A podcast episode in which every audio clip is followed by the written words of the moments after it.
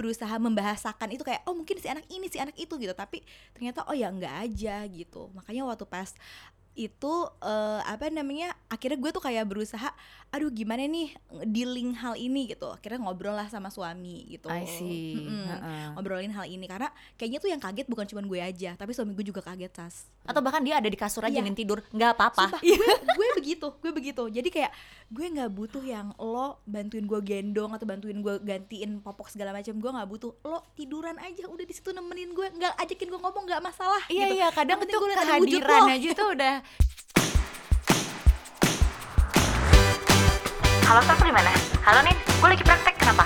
Eh, enggak, enggak, nih gue mau cerita dulu ya, lo harus dengerin. Eh, ntar dulu, ntar dulu, gue lagi mau praktek nih, bentar lagi. Aduh, gak bisa, soalnya ini seru banget. Bentar, bentar, lu ke WhatsApp aja gimana? Ya udah sekarang ya, gue WhatsApp ya. Gue voice note aja deh. Iya, iya, iya, sekarang ya, sekarang ya. Yo, yo, yo, dadah.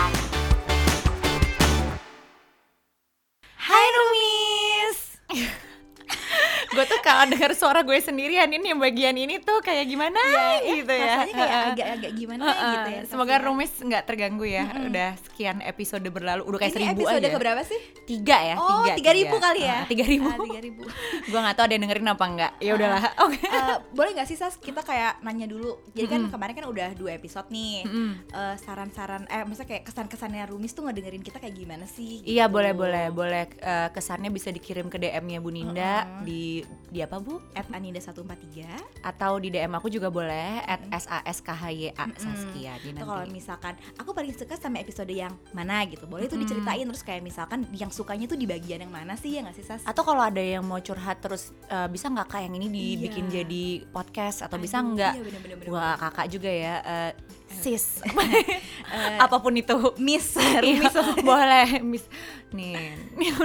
Oke oke. Hari ini kita mau bahas gue juga Tentang- bingung sebenarnya tapi gue cuma pengen tanya-tanya aja sih. Sekarang tuh Une sama Aira tuh umur berapa ya? Soalnya gue lihat Une dari kecil banget kan. Iya kan, Une tuh sekarang tujuh setengah tahun, Mm-mm. terus karena Uh, dia beda lima tahun sama Aira, jadi Aira tuh sekarang dua tahun setengah. Oh gitu Bulannya sama lahirnya. oke tapi lo sekarang udah sibuk antar-antar sekolah nih Iya, ya heeh, kan Une udah kelas 2 Oh, Terus udah mulai enak kayak ya. ya udah, gue jadi ibu-ibu SD gitu. ibu Sas. SD Mm-mm. Airanya juga udah mulai agak gede ya Iya, dia udah mulai nge-gym. Jadi ya udah jadi ibu-ibu gym. oh I see jadi lo kayak ibu-ibu banyak karya aja nih Iya, ya ke mana-mana. Ngurusin anak sih Heeh, sebenarnya. bener-bener bener, banyak karya gitu. Iya kalau anak gue kan soalnya si Saga tuh masih sekarang baru iya. 15 mau 16 bulan. Eh dia jadi masuk sekolah. Eh, pingin sih mungkin nanti kayak satu setengah tahunan gitulah kegiatan yang konsisten aja. Gue tuh jadi ingat karena kemarin tuh ada ya ada beberapa lah temen-temen curhat. Kan sekarang kan ada banyak banyak komunitas ya Iya, kayak bener. birth club atau komunitas lain lah yang Mm-mm. terutama ibu-ibu baru gitu yang ibu-ibu ya gue hitungannya agak lebih agak bukan agak lama sih nggak sebaru itu gitu Iya, tapi iya. kayak lagi Karena banyak udah nih, ada yang lebih iya. baru daripada Iya, kita ada gitu banyak kan yang lebih ya. baru. Ha-ha. Nah, terus kayak menarik juga sih waktu ingat kalau dulu tuh waktu pas jadi ibu baru tuh emang challenge-nya beda, apalagi anak Iya, pertama. benar. Lo masih inget nggak nih kira-kira dulu kayak gimana? Eh itu ya waktu pas zamannya Une bayi itu kan gue masih muda banget ya Sas Mm-mm. baru 22 Terus udah gitu yang paling challenge sih yang paling gue rasain dulu tuh kayak teman-teman gue tuh masih pada nongkrong gitu Oh, iya sih, gue Nah, 21 ya lagi. iya Wuhu, kan? apa tuh? Nggak tahu.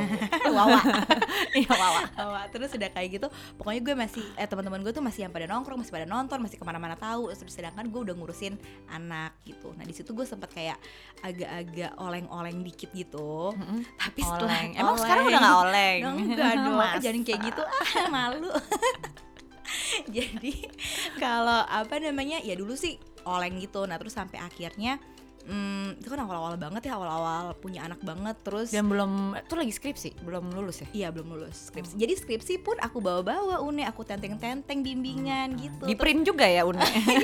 lewat printer, nggak tahu. Maaf ya, Rumis, emang suka kayak gini. Sampai akhirnya kalau misalnya gue bimbingan, jadi gue titipin ke teman gue yang lain. Eh pegangin Hmm. dulu ya, gue mau bimbingan dulu gitu. Sampai temen lo yang itu udah punya anak sekarang waktu titipin. Eh, ada yang udah punya anak. Oh, nice. gitu terus sampai eh, pokoknya kayak gitu sampai gue bawa bawa segala macam cuman kalau menurut gue si Une kan anaknya kooperatif ya Mm-mm. jadinya nggak terlalu gimana-gimana banget sih cuman pada saat hektik gue skripsi terus baru melahirkan kayak gitu-gitu aja yang bikin gue pusing yang bikin gue oleng tadi gitu Waktu Aira masih oleng juga? ah, lebih oleng Oh lebih oleng. Ah, tapi sekarang saya udah normal bu Oh lebih oleng. Tapi gue juga maksudnya waktu itu kan lo nikah 21 ya? yes Eh nah, punya anak umur 21 apa nikah? Eh, nikah 21 punya anak 22 Dua-dua. Nah gue waktu itu juga kan udah gede sebenarnya pas gue lahiran tuh 29 lah ya. Mm-mm. Terus I thought kayak, ya maksudnya gue udah sering denger lah Iya. bala drama ibu-ibu baru Mm-mm. gitu. Di klinik juga banyak, Iya. gue ketemu klien. Mm-mm. Eh, kalau lagi talk show juga banyak yang cerita. Waktu itu kan juga gue sempat bikin anti panik 0 sampai 3 tahun Yes, kan. Itu somehow bukunya tuh alhamdulillah lumayan maksudnya lumayan apa ya? pecah Lumayan pecah. ya. Mm-mm. Lumayan banyak yang baca iya. gitu. sampai masuk itu yang apa sih namanya best seller best Iya, makasih toko ya. Bunin ya, Ya, alhamdulillah. Bunin juga punya buku loh, ternyata jualan. Ups, terus iya. Nah iya eh, waktu itu eh, ternyata tuh orang tuh literally panik setelah emang anaknya ada gitu Yes. kan. Ah. Waktu itu gue juga kayak mikirnya karena gue udah tahu, mungkin gue akan bisa mengawali ini dengan lebih baik kayak lah. lebih preve- apa, Iya, preventif ha-ha. gitu ya Tapi gue juga nggak, gue juga nggak tahu sih standar lebih baik tuh apa Mm-mm, gitu. mm-mm. Sampai memang waktu itu pas gue, pas gue baru-baru banget lahiran, Mm-mm. emang masih biasa sih Nin. Tapi anak gue tuh Saga tuh sempet kolik gitu. Jadi oh gue inget tuh ceritanya Iya, jadi bedanya kalau di gue itu tuh karena gue udah tahu series of cerita orang-orang, gue tahu bahwa oh uh, mungkin akan ada kejadian Mm-mm. itu. Begitu gue mengalami, ya tetap gue panik juga Iya, sih. Bukan bener, panik sih, cuman tetep, aduh ini happen di gue dan Iya. bener loh gue bingung gitu. Mm-mm. Maksudnya iya sih, gue juga tahu gitu. Walaupun memang karena gue udah punya temen, maksudnya temen kayak ibu-ibu senior kayak lo ya, udah pernah punya anak dulu, udah pernah punya anak lebih kecil Duluan, duluan nah. lah gitu. Terus kayak udah punya teman-teman dokter dan yang lain jadi kayak kalau ada masalah apa-apa tuh enak gitu bisa langsung ditanya cuman tuh tidak mengurangi bahwa Iya, ada bener. banyak faktor nggak sih Nin yang membuat pas lo baru lahiran mau mungkin tuh anak mungkin di anak pertama lebih berat karena lebih gelap ya? Iya benar. Tapi kayak kayak lo tadi kan bilang pas Aira juga tapi tetap karakter oleng. iya, iya bener, ba- anak tuh juga sebenarnya ya ada pengaruhnya nggak sih? take much juga ya di situ ha-ha. Mm-mm. karena juga karakter anak tuh ini loh Romis. Kadang-kadang menentukan seberapa sering dia nangis Iya, seberapa kayak gitu. kenceng dia nangis, seberapa sering dia Hmm, bangun dan lain iya, sebagainya kan. Kayak, kayak eh, kalau misalkan dia nggak diturutin maunya apa itu bakalan eh, ngaruh nggak sih kayak jadinya tadi bener kata lo kayak nangis lah apalah yang pas kayak bayi gitu. bangetnya pas bayi kan ya, banget kan kalau newborn banget ibu baru tuh bisa aja dulu waktu anak pertama nggak kayak gitu tenang, Mm-mm. maksudnya ya nangisnya ada tapi Iya. soal nangis itu imut-imut, yang ini enggak, Ya, ada bisa, kayak kenceng teriak banget, jadi lo banget juga gitu. kaget apa ada Iya. sesuatu yang salah gitu ya. Nah, nah oke Bareng gue nanya. Gue mau nanya sebenarnya kalau Oke. di lo tuh ya selain kita akan bahas dari sisi secara keilmuannya ya. Uh, lo masih ingat nggak nih, Nin, faktor-faktor apa sih waktu itu yang ngebuat lo waktu jadi ibu tuh Mm-mm. atau baru melahirkan ya? Ini Mm-mm. kan kita ngomongin uh, life after babies lah Mm-mm. gitu. Itu lumayan terguncang gitu, lumayan oleng. Eh, waktu pas Aira kali ya ya yang paling Mm-mm. yang baru-baru ini Menarik ya kalau dia malah Aira. Iya, Iya. kalau jadi Aira tuh anak keduaku. Nah, dia tuh tipenya memang beda banget kan sama abangnya. Dia Hmm. lebih yang meledak-ledak gitu. Kalau misalkan ada maunya dia bisa nangis maleman gitu. Pokoknya sampai diturutin gitu. Oh, dia ya? tipenya tuh yang kayak begitu. Mm-mm. Nah, kayaknya Tapi tuh sih dari maksudnya dari newborn tuh dari juga kayak newborn, gitu. dari bener-bener dia Kemauan lahir. newborn tuh apa sih nih? Siapa tahu maksudnya kayak rumis di sini tuh nggak semua tahu Mm-mm. kalau newborn tuh punya kemauan gitu. Aduh, dia tuh macem-macem misalnya ya kayak eh kan sebenarnya kan mereka sebenarnya udah punya mau tapi nggak bisa ngomong akhirnya pakai nangis kan nunjukinnya kan. Kayak misalnya nih pengennya tidur sambil digendong Giliran ditaro wah nangisnya bisa sampai wah heboh banget. Kayak dibuang ya. Iya dilempar kali dia ngerasanya. Tapi giliran gue angkat lagi ya tetep aja kayak udah kesel gitu loh. Kayak udah Hmm. kebawa kesel Tadi kenapa sih kok aku ditaruh? Mungkin dia ngerasa kayak gitu kali ya gitu. Jadi kayak Hmm. nangisnya tuh gak berhenti yang kayak gitu. Atau misalkan yang nggak tahu ada yang dia rasain mungkin di perutnya Atau di bagian mana badannya ada yang rasa nggak enak atau pegel atau apa kedinginan, gitu. kepanasan, Heeh bener-bener nggak tahu ya. nggak tahu Heeh. dan itu kayak gue berusaha membahasakan itu kayak oh mungkin si anak ini si anak itu gitu tapi ternyata oh ya enggak aja gitu makanya waktu pas itu eh, apa namanya akhirnya gue tuh kayak berusaha aduh gimana nih dealing hal ini gitu akhirnya ngobrol lah sama suami gitu I see. Mm-mm. Heeh. ngobrolin hal ini karena kayaknya tuh yang kaget bukan cuma gue aja tapi suami gue juga kaget tas Oh, tentu saja ya. Heeh. Suami gue juga Iya kan Iya sih, iya sih bener-bener bener. Jadi kayak yang pertama kalau dari poin Ninda tadi adalah si anak ini tuh karakternya beda-beda. Mm-mm. Kedua juga karena mereka belum bisa ngomong bayi tuh, kita jadi nggak tahu maunya tuh apa, Apa, gitu bener. kan. Jadi kita juga kayak kadang kadang-kadang kan gini kan dulu kan kalau misalkan belum punya bayi kepengen pengen punya bayi lucu gitu Iya, ya datang temennya lahiran datang ke tempat lahiran terus eh datang ke rumah sakit gendong dong gendong Iya. bayinya boleh nggak boleh 24 jam Iya, sama dia. begitu tiba-tiba bayinya nangis dibalikin ke mana dibalikin ke Ibu, ibunya ah, gitu terus kayak bener-bener. ya kalau lo bawa pulang kan dibalikinnya ke lo lagi lo lagi lo lagi Bener, bener, gitu bener, jadi bener. kayak dari situ terus eh, ditambah juga biasanya tuh ada faktor ini loh Rumis ada faktor apa hormonal ya Iya, jadi kalau kita baru lahiran ya. tuh memang secara emosional tuh naik turun gitu kan kayak masih belum stabil foto kayak hamil kita sih seneng Iya. foto apa tuh namanya foto apa Uh, sih maternity. Iya maternity gitu kan romantis suaminya USG masih tiap bulan. Kan iya kayak, "Ih, menantikan seneng." dia muncul ke dunia Iya. ini gitu terus begitu muncul banget itu masalahnya juga pas along the way belum yang bentuk badan lo berubah nggak sih Nah, iya. terus kayak tiba-tiba insecure ya gitu. Mm-mm, kayak terus- Kate Middleton lahir kayak Kate Middleton ya Kate Middleton bunda. Kayak Kate Middleton tiga bulan lalu juga begitu badannya. iya. Kan ya jadi kayak suka insecure sendiri satu tambahan terus jadi ngerasa eh, akhirnya semua hal tadi kayak kita nggak ngerti anaknya gimana kita insecure sama insecure sama bentuk tubuh kita terus hormon kita naik turun. Iya, terus kebutuhan yang tiba-tiba ada ya. Maksudnya bukan cuma dari diri kita aja, tapi dari si anaknya. Kayak misalnya yang tadinya kita masih bisa tidur nih tengah malam nyantai sampai pagi, terus sekarang kayak anaknya bangun, jadi kita mau nggak mau juga jadi ikut Benar. bangun. dan bangun gitu tuh kan. Romis bukan bangun yang sekedar kayak kita tidur 5 jam lagi bangun enggak. Itu bisa like sejam dua jam Iya. sekali waktu awal-awal ya. Itu bisa bener-bener bisa nggak tidur juga sih Iya, sebenarnya. Karena iya benar karena bayangin tuh bayi lo tuh jet lag nggak sih? Dia tadinya di perut enak banget terus kayak semua gelap.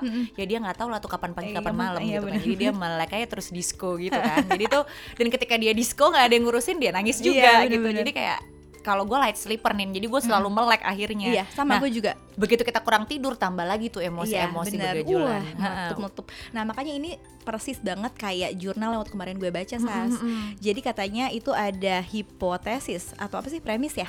Premis bisa Mm-mm.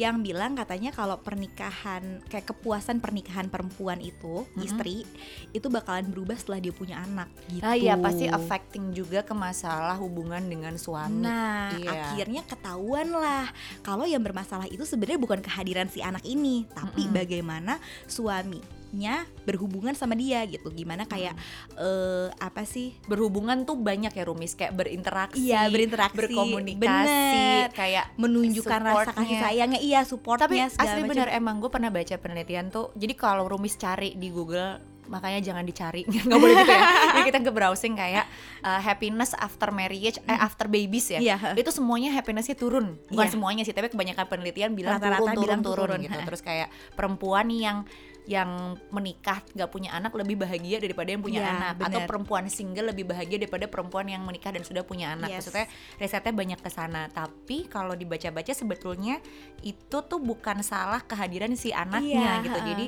ada juga penelitian lain bilang bahwa dia neliti eh, jadi sepertiga dari jadi dua per tiga dari subjek dia memang Mm-hmm. setelah punya anak tiga tahun pertama mereka punya anak lah itu menderita menderita yang hidupnya berubah jadi Iya. lebih nggak menyenangkan lah Iya, ya bener, gitu bener, dengan suaminya juga gitu Mm-mm. tapi sepertiga enggak gitu Mm-mm. nah sepertiga tuh ada faktor-faktornya Mm-mm. yang membuat eh, kenapa pernikahannya jadi lebih menyenangkan Iya, malah gitu atau jadi lo lebih stabil dia ngerasanya. atau lo nggak merasa sekurang itu Iya, ha-ha. gitu. Nah, kalau yang gue baca sih Nin, Ha-ha, eh, faktor mungkin bisa kayak di- itu? Ya itu faktornya tuh adalah intinya tuh teamshipnya antara eh, Suami kita dan dan, istri, suami tuh eh, jelas gitu. Maksudnya bukan jelas tapi ada ada. Jadi ada beberapa kayak ada strong sense of friendshipnya, terus juga Jadi itu saling support gitu ya. Saling support, sense of iya. Friendship ya. Heeh, kayak gimana ya kalau di Kayak as, case- iya bener sih as a team sih. Iya kan tim gitu karena nggak bisa maksudnya Winners gitu kan. Heeh, kayak misalnya emang baik kan gitu ya kadang dia maunya digendong gua doang Iya, gitu loh bener, Nin, bener, gitu tapi kayak eh, mungkin teamshipnya atau eh, sense of friendshipnya nggak cuman harus dia bantuin gendong tapi pada saat gua gendong kasih minum ke gua kayak atau Iya. pas gua udah udahan dilus-elus Bener, kayak bener, itu bener, udah bener. cukup membantu Iya, nggak sih Atau Di- misalkan pas istrinya lagi eh, gendong-gendong anaknya bisa ditanya kayak lo butuh apa sih? Lo mau gue bantuin apa gitu. atau bahkan dia ada di kasur aja Iya. nih tidur nggak apa-apa gue gue begitu, gue begitu. Jadi kayak gue nggak butuh yang lo bantuin gue gendong atau bantuin gue gantiin popok segala macam. Gue nggak butuh. Lo tiduran aja udah di situ nemenin gue, nggak ajakin gue ngomong nggak masalah. Iya gitu. iya kadang penting tuh gue ada wujud lo. aja tuh udah cukup jadi emang LDM berat ya nih Iya, bener, bener, bener, bener, bener, gue ditinggalin sebulan sekali aja tuh suka kayak ya ampun segondok-gondoknya pas gue lagi gendong lihat muka dia tuh lebih gondok lagi pas nggak ada. ada, iya iya. benar benar terus ada apalagi ya nin yang yang mungkin jurnal lo berbeda nih sama jurnal gue Jadi ya sebenarnya sih sama sih kalau kayak eh, apa namanya yang tadi tuh eh, ada friendship, friendship, friendshipnya teamshipnya. Heeh, terus juga si istrinya itu perlu eh, apa ya bisa memahami suaminya juga. Itu yang jadi Hmm. salah satu faktor eh, si istri-istri ini jadi lebih happy setelah punya anak gitu. Jadi kalau misalkan nih kayak kita pikirannya apa ya suuzon mulu ke suami kayak aduh lo tuh enak banget sih gue nih tiap hari harus gendong anak lo kerja enak keluar rumah ketemu temen bergaul apa segala macam nih gue tiap hari harus ngurusin bayi lo gini-gini segala macam nah itu kan sebenarnya tuh pikiran-pikiran yang ada di kita aja ya nggak sih Sas? Nah, tapi itu juga menarik karena selalu biasanya itu salah satu problem besar ketika kita baru punya anak, terutama Nah, anak pertama, pertama, kali ya. mm-mm. Jadi karena kayak belum punya bayangan juga kan uh-uh, kayak gimana. yang yang ibu rumah tangga ibu rumah tangga, ibu kerja kan dia juga cuti kan Iya. biasanya. Terus eh, suami tetap kerja Mm-mm. gitu. Cuti hamil suami kan belum canggih ya Iya. sekarang. Maksudnya masih berapa hari Iya. doang kan gitu. Nah dia kerja sampai malam, terus malam-malam ini ini masalah klasik yang selalu terjadi, hampir selalu terjadi betul di dari cerita, tahun ke tahun cerita klinik lah, cerita apa pun gitu selalu datang. kemarin di jurnal yang gue baca itu itu dari tahun 1957 masalah ini Hmm, Waduh, hardcore juga ya. Iya, kayak udah merdeka dari- sih untung kita waktu itu. Tapi ternyata perasaan ini belum merdeka, Bunda. Iya, Terjebak menjadi ibu baru ini.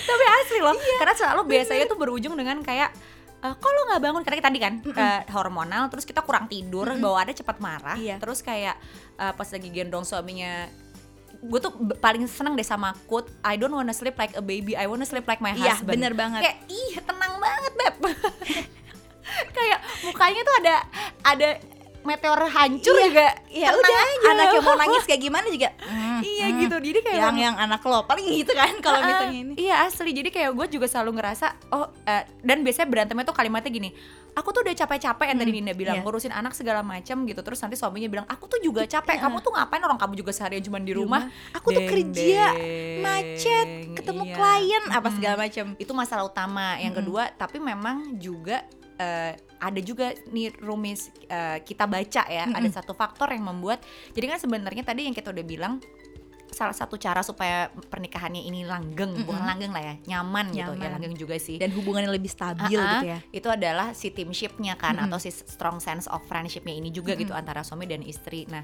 yang berperan besar di hal tersebut ternyata salah satunya tuh gimana si suami-suami ini eh, punya kepercayaan diri yang cukup ketika dia mengasuh anak Yes. gitu. Heeh. Dan kepercayaan diri ini tuh faktornya banyak. Kepercayaan diri tuh bukan berarti harus kelihatannya kayak dia jadi minderan ya, bukan kayak gitu. Mm-mm, Cuman mm-mm. Kayak eh, bayangin gak rumis. Jadi misalnya kayak eh, pria-pria atau suami-suami ini kan kerja di kantor, terus mereka selalu punya KPI, mereka selalu tahu harus ngerjain Iya. apa, terus jelas hasilnya seperti apa. Kalaupun misalnya kayak di ada yang salah, mereka bisa trace back Iya. lagi, terus jelas gitu. Nah, punya anak itu nggak ada indikator Iya, yang iya, jelas ketika dia bayi itu nggak ada kan, selalu berpindah-pindah, pindah-pindah. Jadi nggak gendong ada belum tentu juga dia Bener, diam ya kan nggak ada sense of achievement yang jelas gitu. Jadi dia apalagi tuh digendong, digoyang dikit salah, dikasih susu salah, dielus-elus salah. Jadi kayak eh, memang bapak-bapak itu eh, jadi lebih mudah selain karena culture ya. Emang maksudnya masih juga ada Harus bawaan ibu, culture ah. besar, biasanya ibu gitu kan di Indonesia, tapi juga udah ada yang melek enggak, tapi lebih ke dia nggak tahu aja dia harus ngapain. kayak clueless gitu sih, Bener. Dan ketika dia ada ibunya datang nih, kita datang, emang tuh bayi tuh langsung diem Iya, kadang-kadang. emang magic Heeh, jadi dia juga kok eh, udah deh sama kamu aja biar Iya, cepat kayak gitu. gitu, heeh. jadi kan nggak pede kan kebayang gitu. Sebenarnya bukan nggak mau bantu mungkin awalnya, tapi juga lebih ke kok kalau sama lo dia diem Iya. kok lama gue enggak Iya, gitu. Mungkin dia ngerasa iya bahkan suami gue tuh tipe yang dia waktu pas lihat anaknya lahir, untung udah gue persiapin sebelumnya ya. Dia bingung karena dia bisa piara kucing, kucing begitu lahir langsung jalan. oh iya Dia bingung anaknya kenapa waktu lahir tuh kayak lemah banget, aneh banget gak sih? Dan kayak dia akhirnya gue harus jelasin itu dari sisi teori evolusi Iya, ya bener. untung gue sekolah. Asli gue cerita gue bener-bener cerita sampai kayak kalau kalau anak lahir udah bisa punya kemampuan jalan itu anaknya dan ibunya tuh nggak survive. Eh, lo bayangkan segede apa dia baru bisa jalan nggak nggak Iya. bisa dia keluar dari perut kita gitu. emang nggak kayak gitu cara dunia bergerak. Oh dia baru ngerti gitu. Jadi kayak bener-bener yang itu tipe suami gue tipe suami lain beda lagi gitu. Jadi emang ada ada masalah satu dia aja nggak tahu kalau bayi kucing sama bayi manusia tuh kira-kira beda Iya. berarti uh, apalah itu pede dalam Iya, mengasuh bener, anak bener, ini bener, kan bener. jadi kebetulan memang mungkin jadi wajar ada- aja mungkin buat dia kalau misalnya Iya. dikit-dikit sas ini anak dan memang gitu sebenarnya kan. gue lihat ada teman-teman yang cukup beruntung suaminya memang ngemong Iya. jadi uh, gampang gitu masuknya Mm-mm, mm-mm. ada yang mungkin kayak suami gue yang gue harus butuh nurture dia Iya. lebih banyak dulu Mm, gitu itu suami gue juga begitu sih Oh, modelnya. so- oh, Dodo juga ya? Iya, Dodo juga. Kalau Dodo mungkin dia agak beda antara anak pertama dan anak kedua kalau yang Oke. gue rasain. Hmm. Kalau anak pertama tuh somehow gue ngerasa dia eh apa ya? lebih helpful mungkin atau mungkin karena gini, anak pertama gue tuh laki. Oh iya. Jadi kan dia eh, kalau misalkan kayak anak gue butuh gantiin popok segala macam, dia tuh mau bersihin gitu. Mm-mm. Anak kedua gue perempuan. Dia tuh modelnya kayak tipe yang bapak yang kayak ah dia perempuan sama lo aja gitu loh. Oh gitu. Gitu. Tipikal pengasuhan dia Iya. dulu begitu ya. Mm-mm. mungkin dia ngerasa kayak udah lo lebih ngerti gimana cara bersihinnya, gimana cara ini udah lo aja. Nah Mm-mm. di situ gue sempet kok gitu sih kan kita mestinya bareng-bareng. Gue sempet ngerasa kayak gitu. Mm-mm. Tapi akhirnya gue Itu bukan pikiran yang salah, namun Iya kan? caranya berbeda Nah, ya. Iya. akhirnya gue mikir lagi, oh kayaknya nggak ke situ maksudnya dia, bukan berarti dia mau ngelempar nih anak lo nih lo yang bersihin, nggak ke situ, tapi lebih ke eh, apa namanya, ya lo tuh ibunya mungkin lo lebih ngerti karena sama-sama perempuan gimana caranya eh, membersihkannya lalala itu gitu. Nah iya jadi gue juga eh, sempat tahu dari sebuah penelitian juga sih bahwa memang banyak faktor ya yang membuat si suami-suami ini tuh keluarannya nggak pede kayak tadi. Soalnya kalau suami yang pede tuh katanya dia emang lebih langsung bantuin kata risetnya, terus langsung mau terlibat, nggak gampang nyerah sih sebenarnya. Karena sebenarnya emang tadi kan bayi itu tuh banyak banget challenge-nya. Jadi dia juga gampang nyerah juga gitu. Nah beberapa faktornya memang kayak salah satunya mungkin juga ada hubungannya sama dulu dia dibesarin gimana. Iya. Kadang kan di Indonesia Iya, bener, tuh bener, bener. mungkin nggak semua ya, tapi ada yang kayak oh yang ngurus tuh yang perempuan, yang cowok tuh kerjaannya cari uang gitu Iya. misalnya. Jadi nggak terbiasa dan itu nggak bukan sebuah kesalahan walaupun Iya. dia sudah berusaha memperbarui ini, tapi kayak belum aja nih catch up gitu. Iya. Jadi harus pelan-pelan. Terus juga ada eh, jadinya tuh keterbatasan terhadap perannya. Jadi kayak Iya, dia bener. bapak tuh ini, ibu tuh ini, padahal Mm-mm. tuh perannya bisa diperluas Bener. gitu. Kalau eh, suamiku mungkin kayak dia lebih ke ini anak perempuan, terus kayak gue ad- eh, ada kayak semacam rasa stereotip bahwa yang ngerti itu tuh perempuan juga aja eh, gitu ya sebenarnya. gue salah ini Heeh, ya gitu gitu Jadi ada juga faktor itu. Terus juga sebenarnya nih Rumis ya, yang lumayan paling besar adalah kalau di penelitian sekarang tuh namanya dad shaming.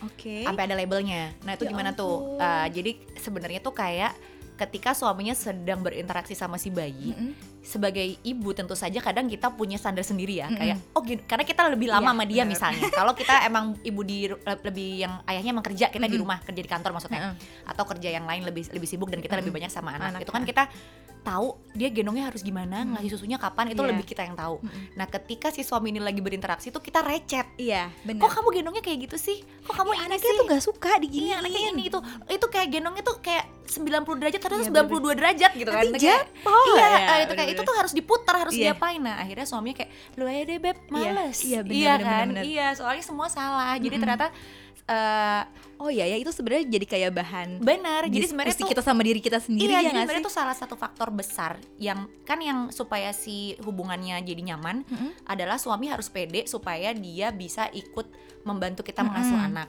Nah, kepedean suami bergantung tinggi pada istrinya membuat dia Iya. jadi pede Iya, gitu ha-ha. instead of kayak kebanyakan mengkritik gitu. Mm-mm. Uh, ini bukan membela salah satu, tapi iya kadang uh, wajar juga kalau kita gondok karena Iya. emang kita capek, Ha-ha. tapi coba lebih ke tujuannya kan supaya iya, dia bener. karena kalau kita bayangin nggak rumis kalau kita nggak bisa sama belum bisa sama satu hal Mm-mm. terus kita kayak recet terus di Mm-mm. bagian itu Terus Males juga kan nggak lo, sih? kayak Ya kan? nyerah aja lo aja jadi kayak memang butuh banyak pintu dan cara membuat suami-suami yang kebetulan memang tidak terlahir dari sananya Iya. luas untuk bisa lebih terlibat Mm-mm. eh, karena eh, ya mungkin Ninda Ninda kan tipe suaminya rada mirip sama gue ya Iya. bisa cerita kali gimana perjalanan lo bahwa itu tidak mudah ya buat kita berdua juga tidak Bener, mudah bener, karena bener, kita bener. punya standar bahwa semuanya tuh harus bareng Iya. kita sekolah psikologi Nah, kan iya, iya, iya, iya. Di psikologi kan diajarin banget tuh kayak gitu parenting Heeh. itu harus berdua nggak boleh Heeh, sendiri jadi nggak boleh pasalnya bega-bega. nyangkut iya. di kepala gue Wah, nih. Ya harus bareng kalau nggak ada bareng di lo jidat gue iya itu gimana nih pengalaman lo? Eh, akhirnya waktu itu sih gue ajakin ngomong. Mm-mm. gue bilang sama dia kayak eh, yang ini walaupun anak kita yang kedua ini perempuan tapi kak menurut gue kayaknya kita tetap harus berdua. Eh, apa namanya? Ngurusnya. ngurusnya gitu. Kalau misalkan lo ada yang bingung lo bisa nanya ke gue kayak gitu. Dan alhamdulillahnya sekarang tuh dia udah lebih bisa apa ya mungkin dulu tuh dia kayak agak-agak kagok buat megang badan si anak perempuan ini loh. Mhm. kayak bersihin mandiin kayak gitu. Kalau sekarang dia udah mau sih Kalau Tapi lo memang mengkomunikasikannya Iya, jelas ngomong. kan butuhnya gua apa. bilang. Jangan Heeh. kayak dalam hati pada saat gue menggendong, tolong gendong anak ini gitu. Iya, heeh. Kalau kayak gitu dia juga nggak tahu dia harus ngapain ya. Apalagi tipe-tipe suami yang cukup teknikal ya. Iya. Kayak lo harus ngomong ke dia gitu Mm-mm. kebutuhan lo Oh apa. ini seperti kayak episode pertama kita Iya si SKJ, Iya, tolong SKJ, didengerin ya iya. Iya jadi kayak emang ada yang dia harus diomongin total gitu. Kita butuhnya apa? Misalnya kita butuh air yang ngomong. Jangan Iya, kayak bener-bener. berharap sambil gendong "Eh, kamu kok nggak perhatian? Aku haus nggak ditawarin apa? Iya. gitu. Jadi kayak bener-bener kita emang ngomongin dengan jelas. Kalau gue eh, kalau untuk suami gue tuh lebih ke arah karena dia juga soalnya bingung bayi waktu tiga bulan pertama tuh kan nggak bisa ngapa-ngapain Iya, ya bener. Ha. kayak ketawa aja tuh baru dua bulanan Iya. kan gitu. Jadi dia kayak ini harus ngapain nih? Nah, jadi gue memang sengaja untuk membuat dia misalnya pagi tuh ada waktu jelas sama anaknya. Jadi biar aja dia sambil ngeliatin Iya, gitu. Karena memang membosankan kan kalau digodain nggak ada ini nggak ada itu. Jadi dia punya waktu dia bisa jatuh cinta sendiri nih sama anaknya. Lama-lama eh, nggak diminta juga dia jadi punya kebutuhan untuk Iya, ngeliat itu anak benar, gitu. benar. dan gue lumayan sering kayak eh, melakukan eh, pujian-pujian bukan pujian-pujian dusta lagi. Pujian-pujian yang kayak supaya dia lebih seneng gitu loh. Jadi kayak Mas, misalnya- jangan dengerin ini mas. Jadi misalnya kayak dia lagi main sama anaknya terus anaknya ketawa gitu. Terus gue kayak Iya anaknya kayaknya seneng banget tuh main Iya. sama kamu Eh, apa namanya tuh bagus tuh nah dia begitu digituin kan namanya suami tuh tetap ada ya. ada sense of achievement ya Iya. kan iya dong dia seneng dong gitu nggak apa-apa kayak anak SD dikasih Iya, iya, makanan enak gitu kan jadi kayak besoknya dia mau lagi Iya, gitu jadi bener-bener. dia kayak timbul Memang salah satu yang bikin confidence itu selain kita ngomongnya gimana sama dia, si pujian yang jelas ya, bukan Iya. pujian sih, tapi apresiasi ke dia udah bantu apa sih ke Bener-bener. kita sama mengkomunikasikan dengan jelas Iya. sama satu lagi sih rumis paling penting tadi coba yang kritik-kritik tuh Iya dikurangi Dan kalau bisa kalau gitu. gue waktu itu ya gue ngerasain sih nih yang berubah, yang berubah dari diri gue waktu itu. Jadi waktu pas awal tuh mungkin gue selalu berharap dia bakalan kayak eh, apa?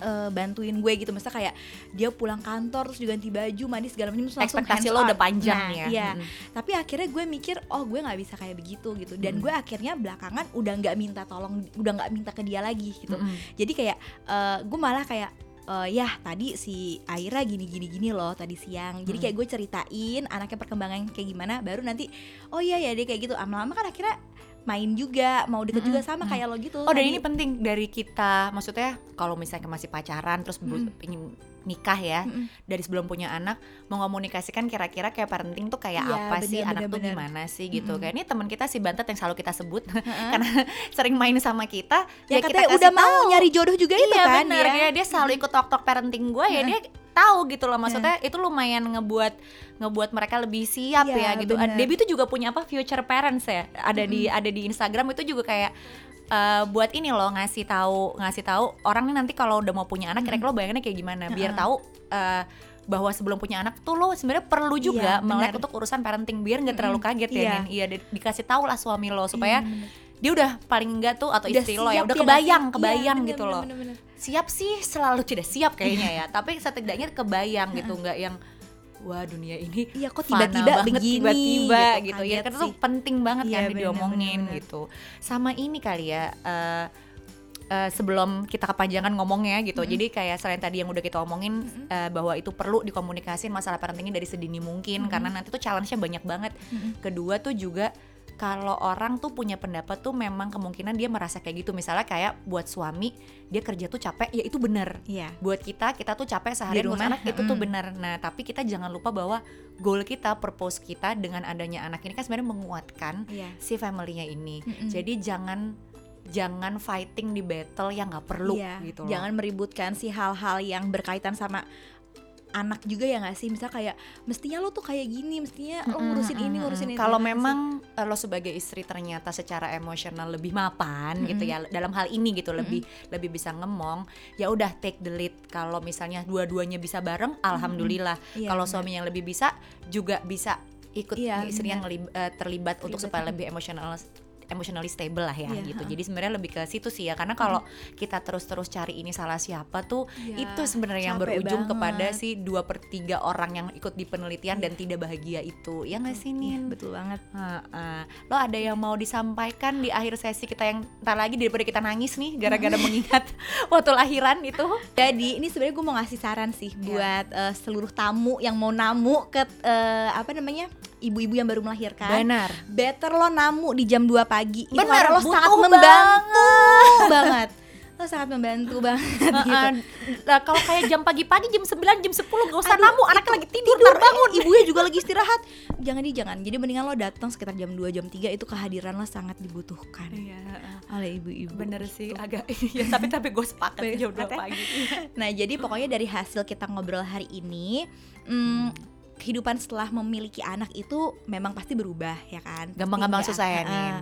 Dan apa namanya ada beberapa faktor yang bikin itu berubah kayak misalkan ya tadi kayak eh, lo kaget, eh, kalian kaget dengan apa namanya Dari sisi kehidupannya, anaknya, eh, dari sisi kehidupan yang berubah dari suami. sisi kitanya, dari hormon kita, terus tiba-tiba anaknya juga kok bayi itu ternyata seperti ini ya. Terus suami juga mungkin yang oh tidak sesuai sama ekspektasi kita juga gitu. Bayi Nah, tidak tapi- seperti kucing langsung lari ya. Iya bener Nah tapi akhirnya ada beberapa faktor yang bisa sebenarnya menguatkan kita supaya kita bisa lebih apa ya hubungannya lebih stabil lah sama suami setelah memiliki anak gitu. Mm-mm. Salah satunya tadi yang teamship itu. Jadi kayak eh, Harus kompak suami bener sama bener istri. bener bener saling tahu nih apa sih butuhnya kalau bisa ya udah didiskusiin aja ya ngasih sas antara Iya dari dari earlier supaya masa transisinya tadi kan Mm-mm. dunia milik berdua sekarang ada kunyil-kunyil Iya, ya bener, nambah bener, dan itu bener. tuh transisinya lumayan berat ya. Gitu. dan diskusinya juga ngobrol ini yang jelas kali ya Mm-mm. kebutuhan kalian apa terus udah kayak gitu eh, apa yang mungkin kalian rasain dari sisi suami itu kayak gimana gitu Sama ini jangan lupa bahwa itu tadi kita harus sama-sama berusaha selain kitanya juga suaminya supaya tumbuh sense of confidence-nya untuk benar ngurus si anak. Cara utamanya ya tadi uh, coba kita ganti semua kalimat-kalimat yang tidak menyenangkan. Iya. Kalau kita lagi emosi kita stop dulu, nggak usah ngomong. Mm-mm. Begitu lagi reda, kayak tadi Ninda bilang kita bisa diskusi kebutuhannya apa. Mm-mm. Terus juga kurangin kritik-kritik yang nggak bermakna. Iya, benar. Kalau tuh anak kayak diputar-putar sama dia, biarin aja itu anak Iya, dia. Jadi bener-bener. dia harus tahu, Iya. harus tahu cara nyelesainnya gimana gitu kan. Terus juga nggak maksa nggak sih nggak maksa Heeh. sama-sama belajar untuk ngerti each Iya, other dan benar. nggak usah dihitung siapa yang lebih Iya, berkorban buat itu siapa. Itu paling banget. penting. Heeh. Itu sih karena kalian tuh kira-kira. berdua itu anak berdua ya kan Iya, ha-ha. jadi kayak jangan terjebak pada oke idealnya kayak gini betul, tapi Iya. idealnya itu butuh proses. Jadi jangan yang paling penting jangan jangan hitung-hitung tabungan Iya, menderita sih sebenarnya. jangan ngerasa kayak kok gue paling sedih kok ini laki gue enak banget itu Iya, aduh, tuh- tuh nggak bisa. nggak bisa Ya, gitu aja kali ya. Oke, Oke, semoga tidak terlalu gloomy bahasan kita hari ini. Soalnya kayak mengingat masa lalu ya. tapi tapi sebenarnya actually happy kok setelah itu kayak. iya iya iya dan pada saat itu juga happy sebetulnya. mungkin Rumis mungkin akan eh, apa ya pengen tahu kira-kira kapan sih masa ini akan ber masa yang lumayan intens gitu Iya. ya. Iya, iya. Itu Eh, setelah berapa Kak, lama ya? gue tuh merasa waktu dulu gue tuh baru lahiran tuh gue banyak ngobrol sama Ninda juga sih karena menurut gue lumayan paling gesek di antara ibu lain kan. Dia selalu punya si waktu untuk tertawa gitu. Nah tapi memang bener kata Ninda dan maksudnya gue ngerasain juga ketika anak itu udah mulai tersenyum udah mulai bisa interaksi, Interaksi, dua arah tuh nggak usah susah ya senyum Iya. aja ngeliat kita itu udah mendingan. Udah mendingan. karena jam tidurnya udah Iya, mulai lebih bener teratur. itu. terus juga komunikasi dia udah nggak cuma nangis Iya. karena ada senyum. Nanti begitu dia ketawa ada lagi. Jadi senyum ketawa nangis tuh komunikasi Iya ya, benar. Jadi jangan kayak di ini Nih. ah. Wah manggut-nganggut sih ban bantet nih Nah, Udah mau lahiran Berarti kayaknya mungkin mungkin sekitar udah lewat tiga bulan Iya ya. ber- tiga bulan sih udah enak banget gitu. udah enak Maksudnya banget. Udah lebih enak Iya lah nggak enak ya. banget sih udah lebih enak Udah lebih Ah, terprediksi ah, lah ah. sedikit Gitu kira-kira ya udah Oke deh. Ada yang mau disampaikan Bu ini Kalau misalkan mau nanya Mau ngasih Oh, saran oke. ke mana Diingetin Nah, lagi buat Rumis yang mau ngasih saran untuk episode berikutnya bisa langsung ke DM Instagram Mm-mm. ke @aninda143 atau ke At Saskia S A S K H Y A Oke Oke. deh Bye Rumi Bye Rumis. Sampai ketemu di episode berikutnya. Dah Dah.